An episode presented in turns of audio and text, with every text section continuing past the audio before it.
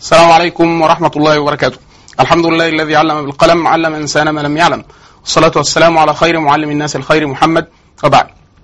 فمرحبا بكم من جديد. آه، تكلمنا في حلقة آه، قديمة عن آه، فكرة علاقة اللغة برؤية العالم. وتكلمنا عن فكرة مجتمع بلا مدارس. موضوع الحلقة اليوم هو محاولة الربط ما بين التعليم بشكل عام واللغة بشكل خاص أو ب... ب... يعني تحت عنوان رئيسي وهو لماذا نعلم آه، أطفالنا اللغة الأجنبية ونعلم أطفالنا باللغة الأجنبية.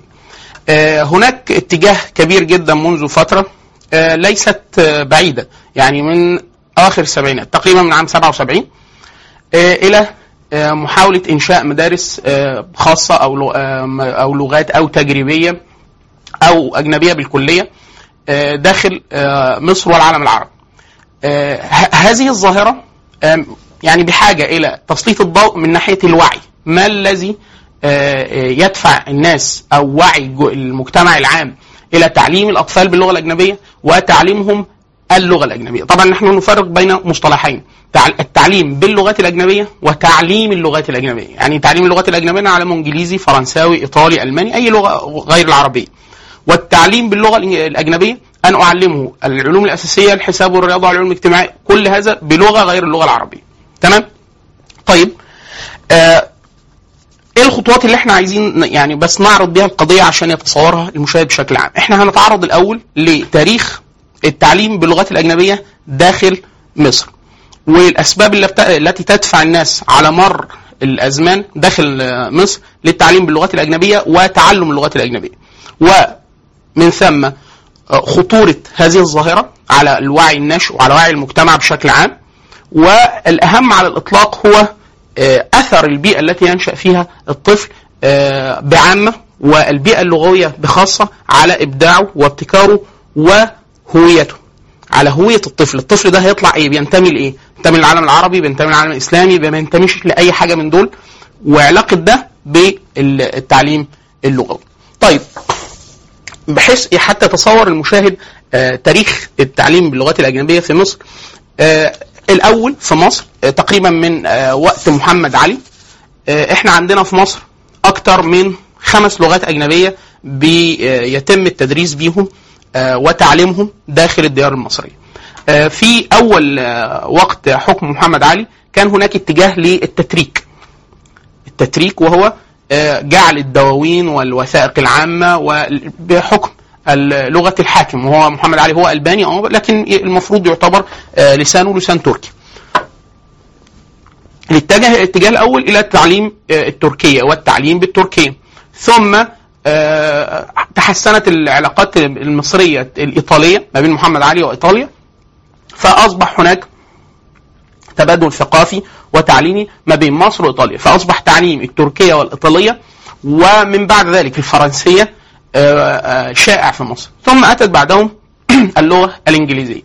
وعلى الرغم من مجيء اللغة الإنجليزية آه، متأخرا عن الفرنسية والإيطالية والتركية أصبحت بعد دخول الإنجليز مصر أو بدء الاحتلال الإنجليزي عام 1882 هي اللغة الأكثر يعني إيه تواجدا في الساحة التعليمية في مصر. السبب هنا سبب وجود اللغة الأجنبية هو وجود المحتل الأجنبي. خلاص؟ وجود المحتل الأجنبي هو اللي خلى التعليم ينحى ينحو منحى التعليم باللغة الأجنبية، يعني ده مش دافع لا مصري ولا إسلامي ولا عربي. تمام؟ عام 1898 أصدر الإنجليز قرار بتعليم بالإنجليزية، يعني تصبح لغة التعليم الأولى في جميع المدارس المصرية هي اللغة الإنجليزية. هذا القرار آه، واجه مقاومة عنيفة جدا من الحكومات المتوالية لأن كان صورة الاحتلال الإنجليزي لمصر صورة مختلطة. يعني آه، إنجلترا لا تعلن إن هي بتحتل آه، مصر بل هي مجرد حماية. يعني هي مسؤولة عن القرار الخارجي للحكومة المصرية. لكن القرارات الداخلية وإدارة الاقتصاد واللغة والتعليم وكل ده المفروض خاضع للإدارة المصرية. هي بس بريطانيا خايفة من إن مصر دولة من الدول الأجنبية المنافسة لبريطانيا تستغل القرار الخارجي لمصر آه، لصالح هذه الدول. فبريطانيا بتعلن حماية مصر من آه، هذا الإجراء. تمام؟ القرار 1898 ده بالتحول اللغة. بتحويل التعليم للغه الإنجليزية قابل مواجهة شديدة جدا في الداخل في مصر آه، من الحكومات الوطنية. عام 1915 نجح أول قرار لحكومة مصرية. إن يا اخوانا آه، التعليم على الأقل في الابتدائي. نستعيد مرة ثانية التعليم باللغة العربية. 36 عام 1936 حاولت تاني حزب ألو... حكومة حزب الوفد وقدرت تاخد قرار بتوسيع مساحة التعريب داخل التعليم من الابتدائي لاكثر أكثر شوية. تمام؟ بمجيء آه، سنة 48 آه، بدأوا إيه؟ آه، يستعيدوا مرة ثانية منع منع أو استبعاد اللغة الإنجليزية من السنة أو سنة أولى ابتدائي وثانيه ابتدائي. يعني اخوانا إحنا ساعتها تحت حكومة الاحتلال تحت حكومة الاحتلال الإنجليزي. الدولة الدولة والأحزاب الوطنية بتحاول منع تعليم اللغة الأجنبية في السنة الاولى ابتدائي وثانيه ابتدائي وده اللي نجحت فيه لغاية سنة 48 لغاية 48 نجحت إن هي تاخد قرارين بوقف تعليم اللغة الأجنبية في السنة الاولى ابتدائي وثانيه ابتدائي. وقف تمام؟ عشان دي المفروض ضد إرادة المستعمر. بمجيء آه، نظام 52 52 56 كان خدوا قرار اللي هو المعاهد القومية اللي هو تمصير جميع التعليم في في مصر وجعل اللغة العربية هي اللغة الرسمية للتعليم ثم منع التعليم يعني ما حدش يتعلم آه، إنجليزي لغاية سنة ستة ابتدائي. ستة ابتدائي يعني سنين ابتدائي كله وما قبل طبعا الحضانة وحاليا الناس بتطلق عليه رياض أطفال وكده كل ده لغاية نهاية السنة الابتدائية السادسة ده كله باللغة العربية يمنع فيه التدريس بغير اللغة العربية أو يمنع فيه تعلم اللغة الإنجليزية أو أي لغة أجنبية أخرى. الوضع ده استمر لغاية سنة 77 مع سياسة الانفتاح في وقت الرئيس السادات آه بدأ آه، الدولة تاخد اللي إحنا بنسميه أحيانا الردة اللغوية إن هو بدأ ياخد قرارات عكس هذه القرارات اللي بدأت من 1915 ضد إرادة المستعمر للفترة بتاعت 77 77 بدأ قرار اللي هو إيه؟ بدء المدارس التجريبية. مدرسة تجريبيه يعني إيه؟ يعني هي مدرسة حكومية بس مناهجها ممكن الطالب فيها يدرس آه، بعض المواد الأساسية بعض المواد الأساسية أو كل العلوم الأساسية باللغة الإنجليزية. يعني وكأنه ده تراجع عن إحنا كنا في سنة 36 و48 بنحاول الحكومات الوطنية إن هي ونجحت يعني حاولت ونجحت. إن هي تمنع تعليم اللغة الإنجليزية في أولى ابتدائي وثانيه ابتدائي. هو 77 لا رجع ده إن هو إيه يدرس العلوم الأساسية باللغة الإنجليزية. 94 سنة 94 و95 آه بدأ إيه بقى فكرة إن هو إيه آه تعليم اللغة الإنجليزية من السنة الرابعة ابتدائي. من رابعة ابتدائي خلاص ممكن الناس كلها تدرس ده في العموم. كل الدافع بيه إنه إحنا عشان الطفل يبقى يطلع مش بعيد عن التكنولوجيا ولغة العصر وكذا إيه اللي هيحصل؟ الكلام ده من سنة 94 و95 إني آه، يبقى يجب على جميع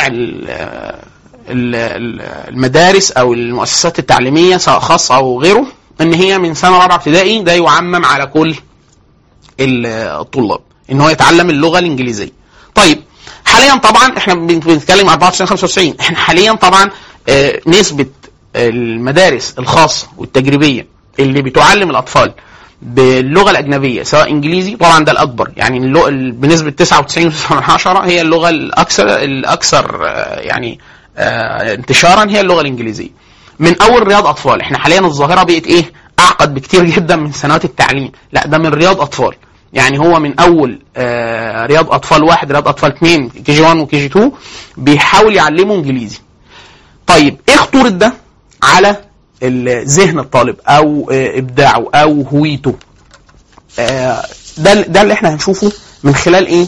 الأول هنشوف بشكل عام الطفل ظروف التنشئة آه، التربوية بما فيها وداخل فيها التنشئة اللغوية بتأثر على ذهن الطفل إزاي؟ ونرجع بقى بعد كده للنقطة الخاصة بتاعت موضوعنا اللي هو إيه؟ أثر اللغة الأجنبية بقى على آه، ذهن الطالب. طيب النظرة العامة للناس بتتصور إن الطفل أحيانا في ناس بتتصور إن الطفل مجرد وعاء فارغ أو صفحة بيضاء أي حاجة أنت بتدونها فيه بتتخزن. اللي انت بتدونه بس بيتخزن. يعني آه، حاجة انت كده عملت إيه؟ مخزن بنك آه، بتخزن فيه مهارات ولغة وكلام وثقافة وكذا. طيب معظم الأبحاث أبحاث علم النفس ال ال الإدراكي وعلم النفس الأطفال وعلم النفس التربوي بتقول إيه؟ بتقول إن الطفل أصلا مولود وهو يحمل آه، يعني استعداد كبير جدا جدا لمهارات متعددة. دي مخ- مخزنة فيه. يعني هو قدرته على التعلم دي أصلا موجودة معاه. يعني هو مش نازل ما عندوش أي مهارات. لا لا ده هو عنده مهارة من هو رضيع أخص هذه المهارات هي المهارة اللغوية. بمعنى عندنا مثلا تجربة اتعملت على ال- الرضع. آه، أنا عندي طفل رضيع. عايز أشوف آه، استجابته. آه، طبعا الطفل بيتعمل عليه بيتحط له مجسات. المجسات دي بتقيس نشاط المخ. عند آه، الحاجة اللي مطلوب قياسها مع الألوان مع آه، أشكال الناس وشوشها الأشكال الوشوش دي يعرفها ما يعرفهاش آه، وجه الوالدين وجه غرباء وهكذا. يعني إيه بيخت... الحاجة اللي هيختبرها بي... بي... بيقيس بقى نشاط المخ بتاع الرضيع مع اختلاف الحاجة المقيس يعني. لما بي... بي... بي... طفل ورضيع رضيع يعني لسه ما فيش أصوات ما فيش أي حاجة بيكت... بيكتشفوا إن هو عنده نشاط الذهني بيفرق بين التراكيب اللغوية. يعني هو بيبدأ الطفل الرضيع بيبدأ يلقط ال- العلاقات النحوية والتراكيب اللي إحنا بنسميه النظام اللغوي. يعني لو هو النظام اللغوي اللي شغال جنب ودنه صيني أو ياباني أو كوري أو عربي أو إنجليزي أو إيطالي أو فرنسي مختلف تماما. هو بي بيستوعب النظام النحوي ده من هو رضيع. ال ال ال ال الأبحاث بتاعت علم النفس علم النفس العصبي بتقول كده. ان الطفل من هو رضيع بيبدأ يلتقط ذهنه. القاعدة النحوية للغة اللي إيه؟ اللي في المحيط بتاعه. تمام؟ طيب. في دراسة كانوا عملوها في ألمانيا برضو علم نفس أعصاب. آه عملت لها عملتها باحثة اسمها آه انجيلا آه فريدريتش. آه بتقول إيه؟ بتقول إن أنا عايز أعرف ال- الطفل لو هو بيسمع نظام لغوي. ده بيسمع. إحنا هنشوف هننتقل طبعا بعد كده لمرحلة آه، أثر التعليم تعليم اللغة الأجنبية عليه. إحنا هنا بس مجرد بس السماع لو سمع لغة غير مألوفة. يعني هي بتعمل عملت أبحاث على الرضع برضو أربع شهور. طفل سن آه، سنه أربع شهور رضيع. هو ألماني. طفل ألماني. التجربة اتعملت في ألمانيا. بجيبه أسمعه جمل إيطالية صحيحة. جمل إيطالية صحيحة نحويا. يعني كلام صح كلام مظبوط كلام صح. بعد فترة ودي لغة ما يعرفهاش وهي دي مش اللغة اللي ودنه متعود عليها بيسمعها ليها أربع شهور أربع شهور اخوانا إحنا بنتكلم على رضيع تمام؟ بعد فترة بيبدأوا يسموه يسمعوه جمل غير صحيحة إيطالية غير صحيحة وبيقيسوا كله طبعا في التجارب دي بيقيسوا نشاط المخ وهو بيسمع الجمل مألو... الجو- الجمل باللغة غير المألوفة وهي جمل صحيحة نحويا وجمل غير صحيحة نحويا جمل سليمة وجمل غير سليمة. بيفاجئوا إيه؟ النشاط الذهني بإيه؟ إن بعد فترة هو الطفل وهو رضيع. بعد 15 دقيقة من تسميع إن هو بيسمع جمل صحيحة وجمل غير صحيحة ذهنه النشاط ال- ال- اللي بترصده الأجهزة إن هو مدرك تماما للأخطاء اللغوية. مدرك تماما الاخطاء اللغوية في الإيطالية اللي هو ما يعرفهاش اللي هي مش دي اللي متعود عليها ودنه. لكن هو نظامه اللغوي بيبدأ يستجيب. أول ما بيسمع نظام لغوي ذهني يعني ربنا خلقه كده إن هو اول النظام بيسجل النظام ده. أول ما بتب- يبدأ يسمع حاجة مخالفة للنظام اللي سجلها الأول بيعرف إن دي غلط. طيب هو لسه اتعلم اللغة؟ إحنا بنقول رضيع ما اتعلمش بس هو ذهنيا مخه أعصابه وجهازه اللغوي اللي لسه بيتكون بيميز ما بين النظام السليم والنظام الغير سليم. فاحنا لسه كمان لما نيجي هنشوف ان هو بيتعرض بقى عن طريق تعليم أو تسم... أو ان حد يكلمه في البيت بلغة تانية أو حد يعلمه القراءه والكتابة بلغة مخت... بلغة صغ- بلغة مختلفة غير اللغة الأم مع من هو كمان وهو ثلاث سنين زي ما الناس بتدخل رياض أطفال أو أربع سنين هنشوف ده أثره إيه على الذهن وعلى التربية. طيب آه، تجربة تانية برضه. علم نفس ادراكي أو علم نفس عصبي. آه، أطفال سنهم آه، آه، سنتين ونص. بعد ما بيسمع سنتين ونص هو طبعا في لغة في نظام لغوي بيسمعه في في المحيط اللي حواليه. بعد كده بيسمعوه آه، حوارات صوتية آه، لغوية. في آه، عرض عرائس متحركه دمى تمام؟ ولكن في أخطاء لغوية. وبيسجل برضه النشاط الذهني بتاعه. بيفاجئ إن الطفل الطفل بيدرك الأخطاء اللغوية. وهو سنه سنتين ونص.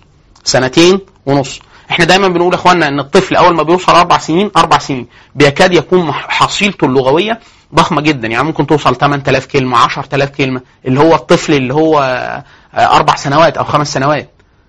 حصيلته ضخمة جدا. سنتين ونص بيقدر بيقدر يميز الأخطاء أول ما بتحصل قدامه الأخطاء اللغوية. إحنا ليه بنقول إيه إيه الهدف من من ذكر هذه الدراسات؟ إن هذه البيئة التربوية أو بيئة التنشئة الجانب اللغوي اللي فيها ده مش جانب فرعي. يعني إن أنا أسمع ابني أسمع ابني. آه، آه، آه، أفلام كرتون حتى باللغة الإنجليزية. واحد يقول لك ده ما دخلش مدرسة سنة سنتين ونص ثلاث سنين ثلاث سنين. ده بيؤثر على ذهنه بيؤثر على استعداده اللغوي بيأثر على قدرته الإبداعية بعد كده بيأثر على النظم اللغوية اللي ذهنه بيلتقطها. يعني هو أول ما حد بيكلمه عربي خلاص هو كده ثبت النظام ده. أول ما حد بيكلمه بنظام لغوي تاني هنفرض إنجليزي أو فرنسي أو إيطالي أو آه، ألماني بحسب ال ال البيئة اللغوية الثنائية اللي إحنا بنسميها بيئة بيئة ثنائية بيئة لغوية ثنائية بيبدأ مخه يتضارب مع هذا النظام والنظام الثاني عشان كده أحيانا لما بيبقى في أسرة الأب من جنسية والأم من جنسية واحد مصري وأم إيطالية آه، أم مصر أم مصرية وأب إيطالي وهكذا. في كده أسر. دي بيبقى ليها علاج خاص. إحنا يعني ب- ليها بين شوية نصايح بنقولها كده لغويا. لا خلاص ما دي حاجة ما نقدرش نغيرها. الأم مش خلاص هي بتتكلم إيطالي. والأب بيتكلم عربي ما فيش فيهم حد يقدر يتكلم اللغتين. يعني ما يقدروش يوحدوا اللغة. في الحالة دي بن بنقول لهم يا اخوانا ده تعملوا واحد واثنين وثلاثة وأربعة.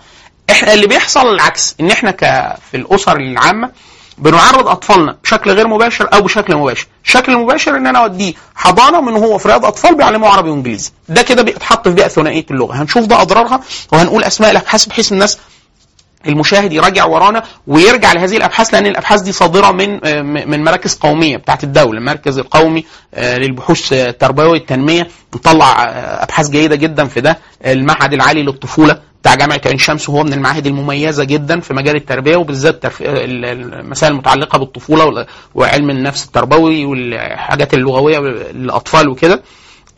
كلية دار العلوم عملت كذا مؤتمر. هي وكلية الأداب عن أثر التعليم بالتعليم اللغات الأجنبية في التعليم العالي والابتدائي والثانوي. في كتير جدا ابحاث هنشير إليها عرضا بحيث الناس إيه المشاهد يراجع ال- الأبحاث ويقراها كمان بالتفصيل لأن إحنا بيبقى الهدف الأكبر إن إحنا نشير لمسألة تخص الوعي العام. بس نشير. المشاهد المفروض يسعى إلى توثيق هذه المعلومة والاستزادة من التفاصيل ونتائج هذه الأبحاث المنشورة. طيب في أمريكا آه، جو عملوا بحث متعلق ب آه، الحصيلة اللغوية الحصيلة اللغوية على الطفل. طيب قبل ما ندخل في تفاصيل البحث إيه يعني إيه الحصيلة اللغوية؟ أنا آه، الأب أب ومعايا زوجتي وابني مثلا في البيت عايزين نكلمه لو أنا طول اليوم طول اليوم مفيش غير كلمتين أقعد أسكت أنزل كده ده إحنا بنسميه إيه بيئة لغوية فقيرة يعني الحصيله اللغويه دي فقيرة الحصيل دي دي تديله مح... آه، آه، معجم ذهني أو حصيلة لغويه ضعيفة ودي هنشوف أثرها بعد كده على الطفل إيه البيئة. المحصلة اللغويه الغنية أو البيئة اللغوية الغنية إن هو إيه الطفل الطفل طول اليوم أنا بجري معاه آه، حوار أنا أو أمه إحنا الاثنين بيسمعنا بيتكلم كلام ناضج وكلام واضح قدامه بلغة واحدة طبعا اللي هي اللغة العربية خلاص لا ده غير إن هو واحد يقول لك خلاص أنا طول اليوم هقعده يسمع كرتون مثلا آه، أو آه، تلفزيون باللغة العربية مش صحيح. أثر ده غير ده. العجيب جدا في البحث ال- في البحث اللي معمول ده إن هو لغه التواصل لازم تكون لغة تواصل إنساني. يعني الحصيلة اللغوية الحقيقية اللي بيكتسبها الطفل من لغة تواصل إنساني. يعني ما تسيبش ابنك قاعد خمس ساعات ولا أربع ساعات يقول لك قاعد ساكت بتتفرج على تلفز... ت... ت... كرتون. وباللغة العربية خلاص. لا. الحصيلة اللغوية بتاعت التواصل الانساني يعني إيه؟ إن أنت تمسك كتاب وتقرأ له. هو طفل قصة هات في كم في كم كبير جدا من القصص ال- القصص المعمولة للأطفال إن أنت تقرأ له أنت آه الأب والأم يقرأ للطفل القصة. ده اللي اللي إحنا بنسميه حصيلة لغوية غنية بيئة بيئة لغوية ثرية. إن هو إيه بيسمع بقى حصيلة لغوية كبيرة من عن طريق تواصل إنساني أو عن طريق حوار إن أنا أكلمه. أكلم الطفل أو والد الطفل تكلمه حوار طويل. طبعا الحوار الطويل ده هو بيك- بيك- بيكتسب فيه كم كلمات كتيرة جدا. بيتعلم إزاي يسأل بيتعلم الكلام بيتقال إزاي. كل نغمة من الكلام بتتقال آه، إيه دلالتها؟ لأن إحنا لما بنقول أحيانا ودي رقم آه، الناس بتسمع الرقم هنقول إن بعد ست سنين من اختلاف البيئتين اللي هو البحث اللي قدامي ده إن بيقيس حصيلة لغوية ضعيفة وحصيلة لغوية قوية النتيجة بتقول إن هيحصل فرق بعد كده 30 مليون كلمة. فواحد يقول لك يعني إيه 30 مليون كلمة؟ هو أصلا مين اللي معاه 30 كو- مليون كلمة؟ إحنا بنعتبر إن أحيانا الكلمة الواحدة اللي ليها كذا تنغيم دي خمس كلمات أو ست كلمات مش كلمة واحدة. يعني الطفل لما بيسمعك في البيت بتقول له إيه؟ يلا. يلا دي دي دي كلمة. ولما تقول له يلا اللي هو التون أو النغمة أو ده دي كلمة تانية. وهكذا. فالحصيلة اللغويه بتاعت التواصل الإنساني دي هي اللي الطفل بيكتسب فيها اللي إحنا بنسميه إيه؟ الوظيفة التفاعلية بتاعت اللغة أو الوظيفة الاجتماعية. إن هو يقدر يفهم اللي قدامه. أحيانا بيسموه الذكاء الاجتماعي. الناس مع أفهم اللي قدامي ده ده بيضحك آه، بيضحك معايا ولا بيتكلم جد ولا بيهزر ولا يسخر مني. دي كلها في التنشئة اللغوية. طيب البحث اللي اتعمل في جامعة كانساس في أمريكا آه، جاب أسر أسر ع- ب- نقدر نصنف ال- البيئة اللغوية بتاعتها والبيئة التربوية إن هي ثرية. يعني فيها ألعاب فيها تواصل لغوي فيها عط- عطف فيها فيها حوار دائم ما بين الطفل والأم والأب وهكذا. فيها كتب مقروءة بيتقري له كتب بيسمع حوار لغوي ناضج بلغة واحدة. تمام؟ ليه ليه إيه؟ إن في الآخر بعد من تسع شهور هو التجربة عملها على 42 عائلة. خلاص من على أطفال من سنهم من تسع شهور لثلاث شهور. بيفاجئ في الآخر إيه؟ إن الحصيلة بتاعت المجموعة الأولى اللي هي بنقدر نقول إن آه، بيئة آه، حصيلتها اللغويه ثرية أو بيئة لغوية ناضجة محصلة ال- الك- الكلمات اللي موجودة عند الطفل أكتر من 2153 كلمة. الثاني 600 يعني مثلا في واحد فيهم خمس أضعاف قدرة الأول. بعد أربع سنين هم هم نفس الأسر هو مكمل بياخد إيه؟ بياخد بيقيس قدراتهم اللغوية كل سنة لغاية أربع سنين من بدء التجربة. بيفاجئ إن البيئة الأسر الميسورة اللي هي معاها ألعاب معاها بيئة لغوية نشطة فيها حوار بيسمع كلمات جديدة مهارات آه، تواصل اجتماعي جيدة دي من ناحية الظروف العامة والظروف الخاصة. أثر ده على الكلام إيه بقى؟ إن المحصلة الفارق ما بين المجموعتين 30 مليون كلمة اللي هو الرقم اللي قلناه. 30 مليون كلمة فرق. الطفل اللي هنا سمع حوارات كتيرة جدا ناضجة سمع كلمات كتيرة آه، جديدة سمع دلالات كتيرة سمع أسماء كتيرة سمع قصص كتيرة وهكذا. فده بيطلع واحد قدرته الذهنية والإبداعية والكلامية وذكائه الاجتماعي والإنساني وقدرته على التواصل مع المجتمع حاجات كتيرة جدا. ده كله كل ده بسبب التنشئة بشكل عام والتنشئة اللغوية بشكل خاص. طيب أنا في نقطة عايز اركز أكد عليها قبل ما انتقل لفكرة تانية. الفكرة بتاعت إيه؟ إن ال- ال- الحصيلة اللغوية اللي جمعها الطفل ده من تواصل إنساني. يعني مش من سمارت فون يعني أنا مش مديله موبايل ولا تاب وبسمع حاجات. مش من فيلم كرتون. آه، مش من كتاب مسموع. مش من حوار مسجل. لا. ده تواصل إنساني حقيقي. أبوه أو أمه بيكلم الطفل بشكل دوري أو بيقرأ عليه قصص أطفال أو أي محتوى قراءة مباشرة بحيث الطفل بيتواصل مع آه، والده بيسأله إيه يعني إيه كذا اللي هو إيه اللي بنسميه تواصل إنساني حقيقي مش حاجة مسجلة. طيب آه، كان في بحث آه، آه، نزله ال- المركز القومي لل- للبحوث التربوية والتنمية آه، عن تحت عنوان كده بحث تأثير التدريس باللغات الأجنبية على الأداء في اللغة القومية عند تلاميذ مرحلة التعليم الأساسي. اللي هي مسألتنا الأولى. إن أنا الطفل أنا دلوقتي آه، أثر البيئة التربوية بشكل عام واللغوية عملت لي فرق كبير جدا في الحصيلة اللغوية اللي هو بيسمعه. طيب الطفل ده لما يدخل التعليم الأساسي ويتعرض لل- للأزمة اللي إحنا بنشاور عليها اللي هو إيه؟ هو بيدرس عربي بيدرس إنجليزي.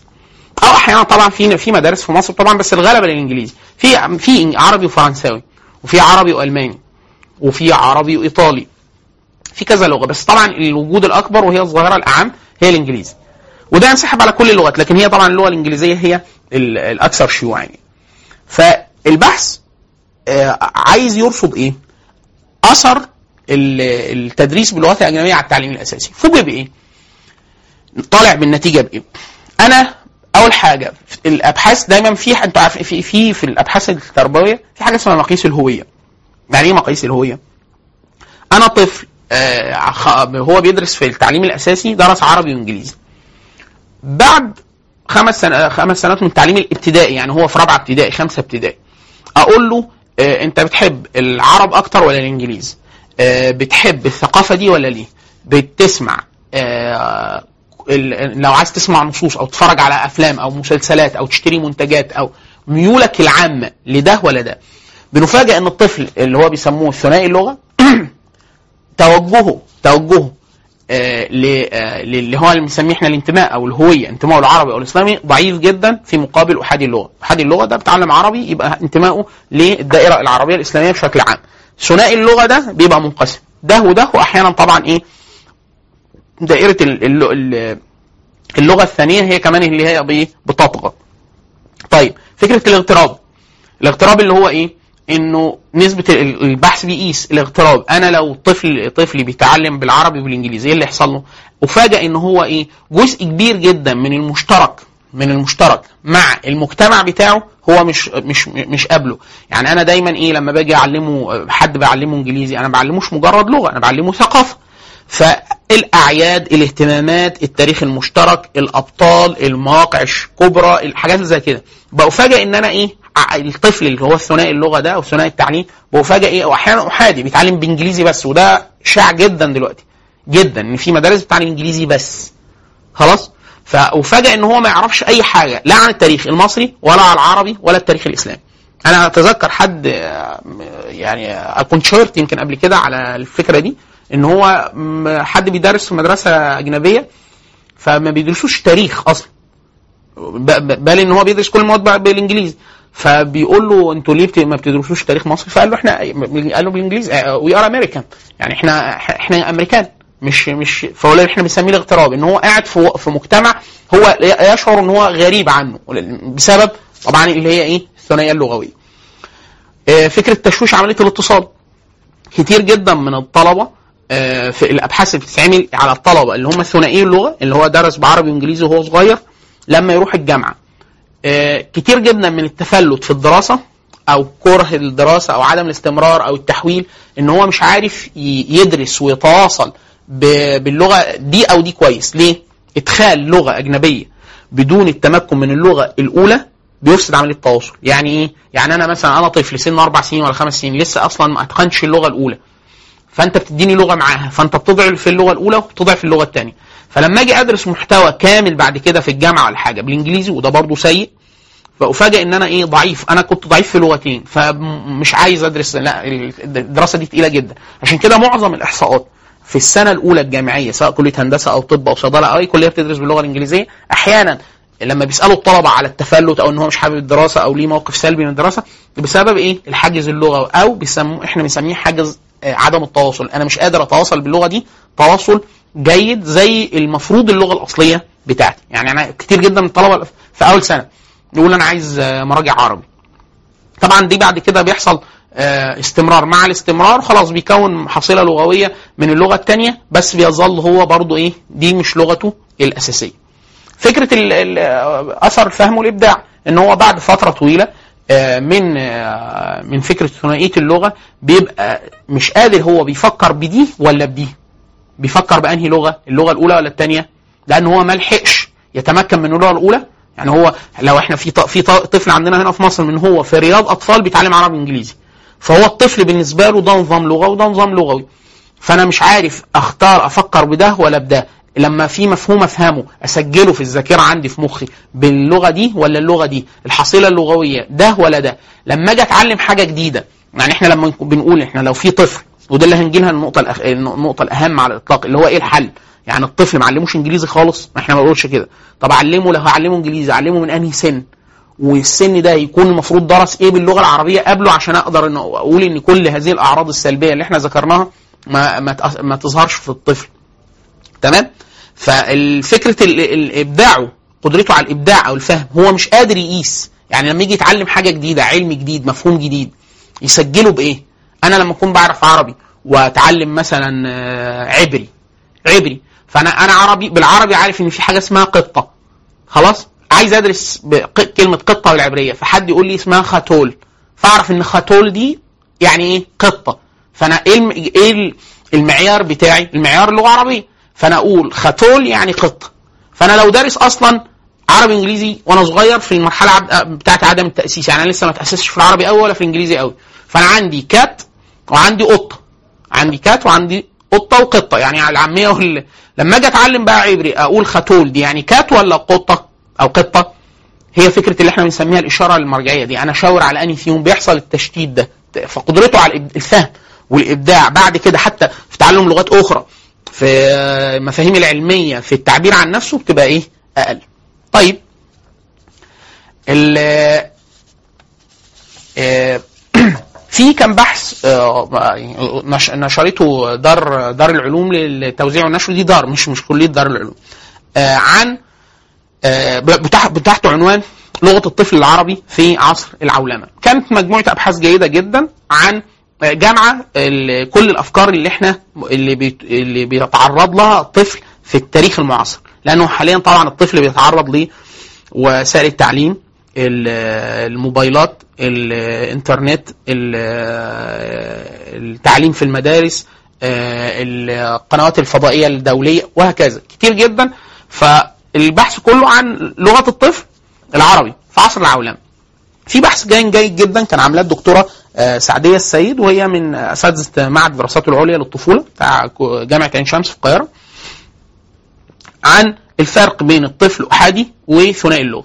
لو أنا دلوقتي واحد بي بي اللي هو بيدرس بلغة واحدة وطفل بيدرس بلغتين بيدرس إنجليزي وعربي عمل دراسة لطيفة جدا. إيه؟ القدرة على التعبير والكتابة باللغتين إيه اللي بيحصل؟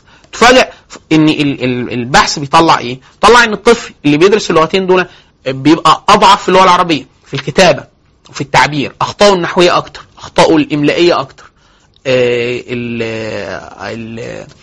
ال لما جه وهو بعد كده آه، يتعلم آه، اللغة نفسها حتى اللغة الإنجليزية لو هو عايز يقوي نفسه في اللغة الإنجليزية بيبقى أضعف في اللغة الإنجليزية. ليه؟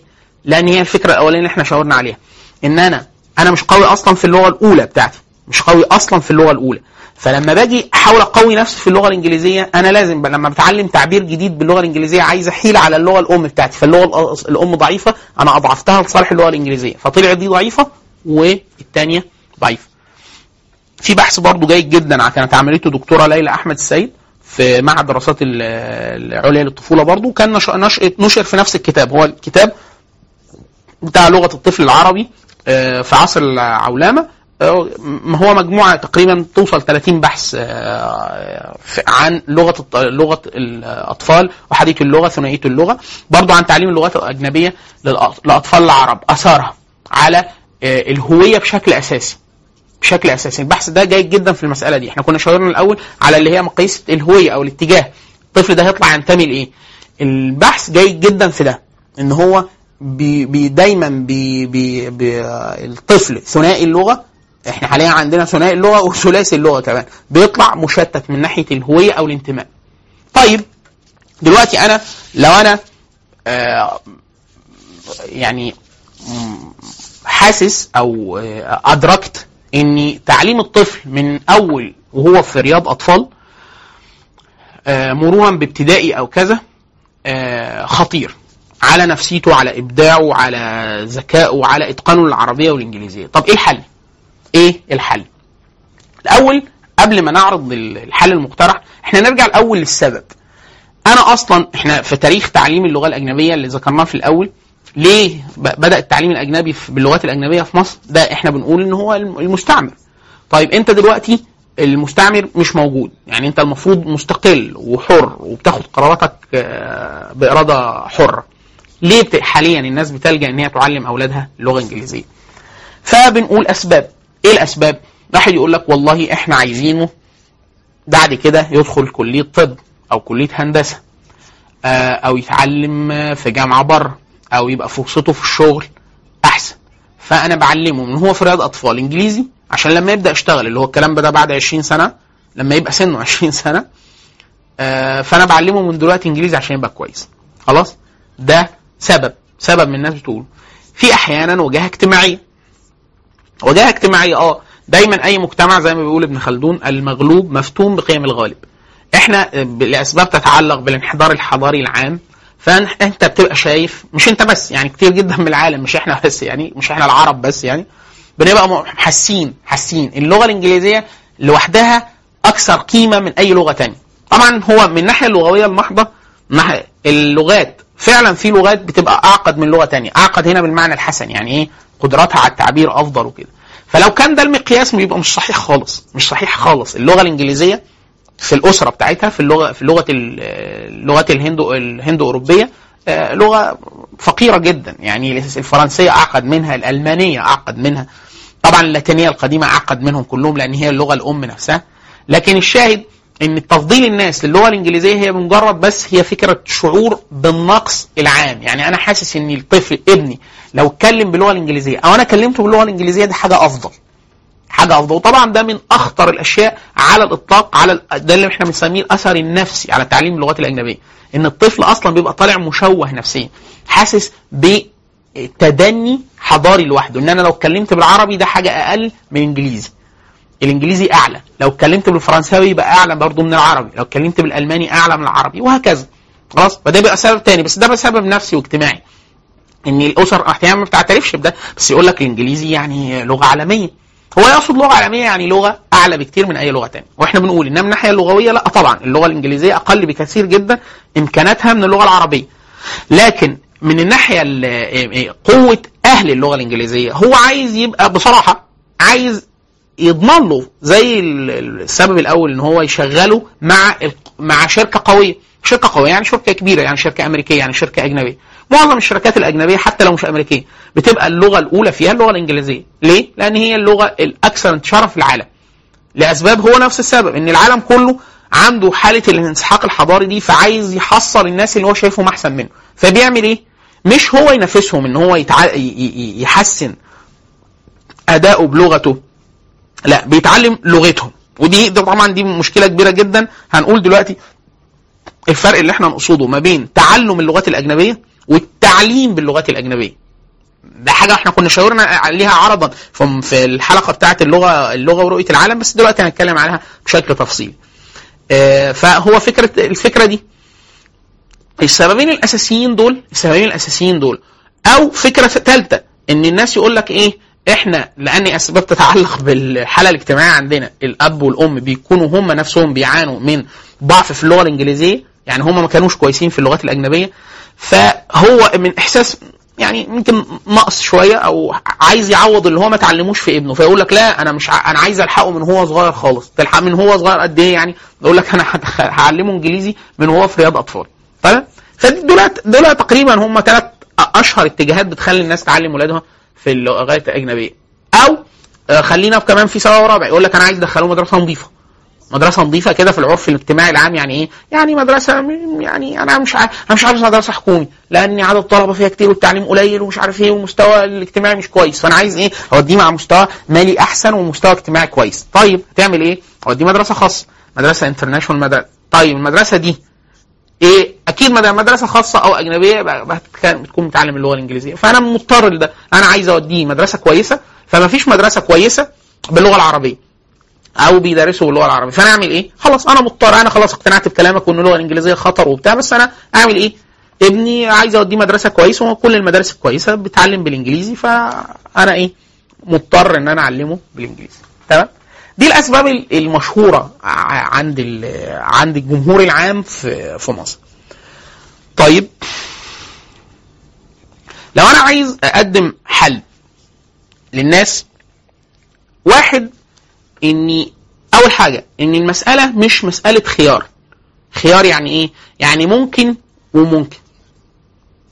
ممكن أعلمه باللغة العربية وممكن أعلمه باللغة الإنجليزية. يا اخوانا مفيش دولة في العالم مفيش دولة في العالم بتسمح بتسمح لأطفالها إن هم يتعلموا بغير اللغة الأم قبل 10 سنين على الأقل قبل 10 سنين. طبعا وده اللي إحنا بنقول بيه يعني في واحد يقول لك آه أنت مش عايز تعلمه إنجليزي خالص لا أنا بقول أنا بقول اني المفروض الطفل من بعد 10 سنين لو تقدر لو تقدر تعلمه 10 لغات علمه في حاجة اللي هو مصطلح اللي إحنا بنسميهم متع- متعددو اللغات.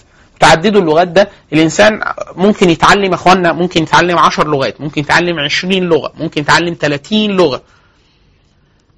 ويبقى بيقدر يترجم من وإلى يعني في كتير جدا متعددو اللغات ممكن نحل ع- يعني أي حد يعمل بحث على على اليوتيوب على جوجل متعددو اللغات. هيلاقي كم مهول جدا من الناس اللي بتتقن أكتر من 20 و30 لغة. فاحنا الدعوة اللي إحنا بنتكلم فيها مش ان الناس ما تعلمش ولادها لغات أجنبية لا ده يعلمهم أكتر من 10 لغات أجنبية. بس إمتى؟ هو ده السؤال.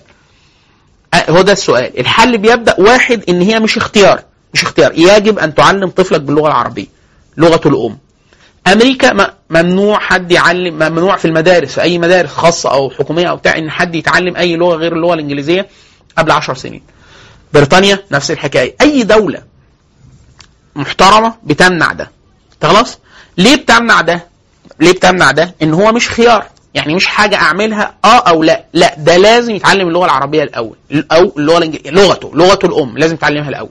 خلاص؟ فأول حاجة لازم ينتبه ليها المشاهد إن هي مش خيار. أنت لازم تعلمه عربي. تعلمه عربي كويس. طيب أمال إمتى هعلمه إنجليزي؟ إمتى أبدأ أعلمه إنجليزي؟ أو العشر لغات اللي أنا نفسي أعلمهم أنا نفسي فعلا الطفل ممكن تعلمه لغات كتيرة جدا ويتقنها اتقان كويس. بشرط إن هو يبدأ تعلم هذه اللغات بعد إتقان اللغة الأولى. اللغة الأولى دي أعرف إن هو أتقنها إزاي؟ هو دي بقى الفكرة. إن الطفل ده يقدر يعبر يتكلم ويكتب كويس ويبقى حافظ مخ- مخ- مخزون لغوي كويس جدا شعر ونثر وطبعا قرآن وحديث قبل ده كله. في ال- باللغة العربية مطلع على أدبيات كتيرة جدا حصيلته اللغوية عالية جدا خلاص؟ في مقاييس لغوية كتيرة جدا بتقيس الحصيلة اللغوية. اللي هو الطفل ده أقدر أقول إن ده يعني هي مش متعلقة بالسن قوي. هي متعلقة على الحقيقة بالحصيلة اللغوية. يعني في طفل من هو سن ست سنين أول ما يوصل ست سنين ده ينفع يتعلم لغة تانية. خلاص ليه؟ الأساسيات بتاعه هذه اللغة أساسياتها والتعبير عن إحنا زي ما إحنا بنشوف طفل بيبقى ست سنين وحافظ القرآن كله ثمان سنين وحافظ القرآن كله. في واحد عشر سنين سنين ومش حافظ غير سورة سورتين. محفوظه من الشعر يق- يقترب تقريبا مش حافظ ولا بيت شعر أو حافظ 10 أبيات شعر. وهكذا اللي إحنا بنسميها زمان كنا المطالعة والنصوص. خلاص؟ فهو يعرف قد إيه من اللغة دي. بحسب إتقانه من اللغة الأولى دي أقدر أقول إن هو يقدر يتعلم تاني.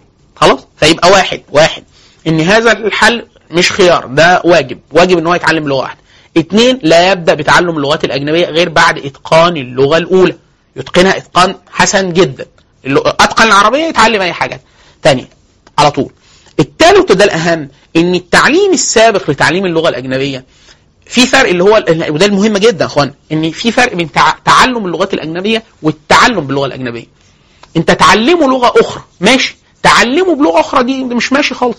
كل العلوم الأساسية العلوم الأساسية يعني لغاية ما يبقى آه نقدر نقول حتى ثانوي ثانوي كده خلاص بعد كده الجامعة دي خلاص مش تأسيسي ده مش علوم أساسية. يبقى كو- يكون استوفى ده كله باللغة العربية. بعد كده هو ما دام من معاد من 10 سنين أنا علمته إنجليزي علمته إنجليزي. هو ش... علمته إنجليزي بس لسه بيتعلم بالعربي برضه العلوم الأساسية. يقدر بعد كده يبقى عارف الكلام ده عارف يعني هو مثلا درس كيمياء فيزياء يبقى عارف المصطلح بالعربي والإنجليزي. وبيعرف يعبر بالعربي كويس وبالإنجليزي كويس. عايز يتعلم لغات تانية وهكذا. خلاص؟ فيبقى أنا كده بقى إيه؟ بأسس على ال- العلوم اللي درسها بالعربية وبأسس على لغته العربية اللي أتقنها في الأول. خلاص؟ أما لو حصل خلل بقى في المنظومة اللي إحنا اتكلمنا فيها دي يطلع لي بقى اللي هو المنتج اللي أنا خايف منه جدا. خلل مهو... خلل كبير جدا في الهوية انتمائه انت أنت أنت بتنتمي بتحب مين؟ بتحب أنهي ثقافة؟ بتميل لأنهي قوم؟ وهكذا. ده واحد. اثنين فكرة التشوه المفاهيم قدرته على الإبداع والابتكار وكذا كل ده بي... بي... بيترحل. ثلاثة وده الأخطر جدا ضعفه في اللغتين. هو بيبقى ضعيف في اللغة العربية وضعيف في اللغة الإنجليزية آه، نفسها. بعد كده مشكلته بعد كده اكتسابه للمهارات التانية. يعني أنا لو عايز أتعلم لغة آه، ثالثه لغة رابعة هيبقى برضه هبقى ضعيف فيها بسبب ضعفي في اللغة إيه؟ اللغة الأولى.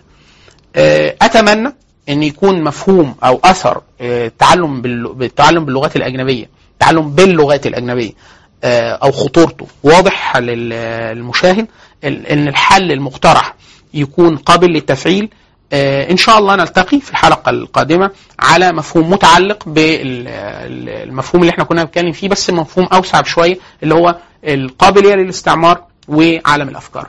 اللي هو مفهوم الاستعمار والقابلية للاستعمار وعالم الأفكار. حتى نلقاكم دمتم بخير. السلام عليكم ورحمة الله وبركاته.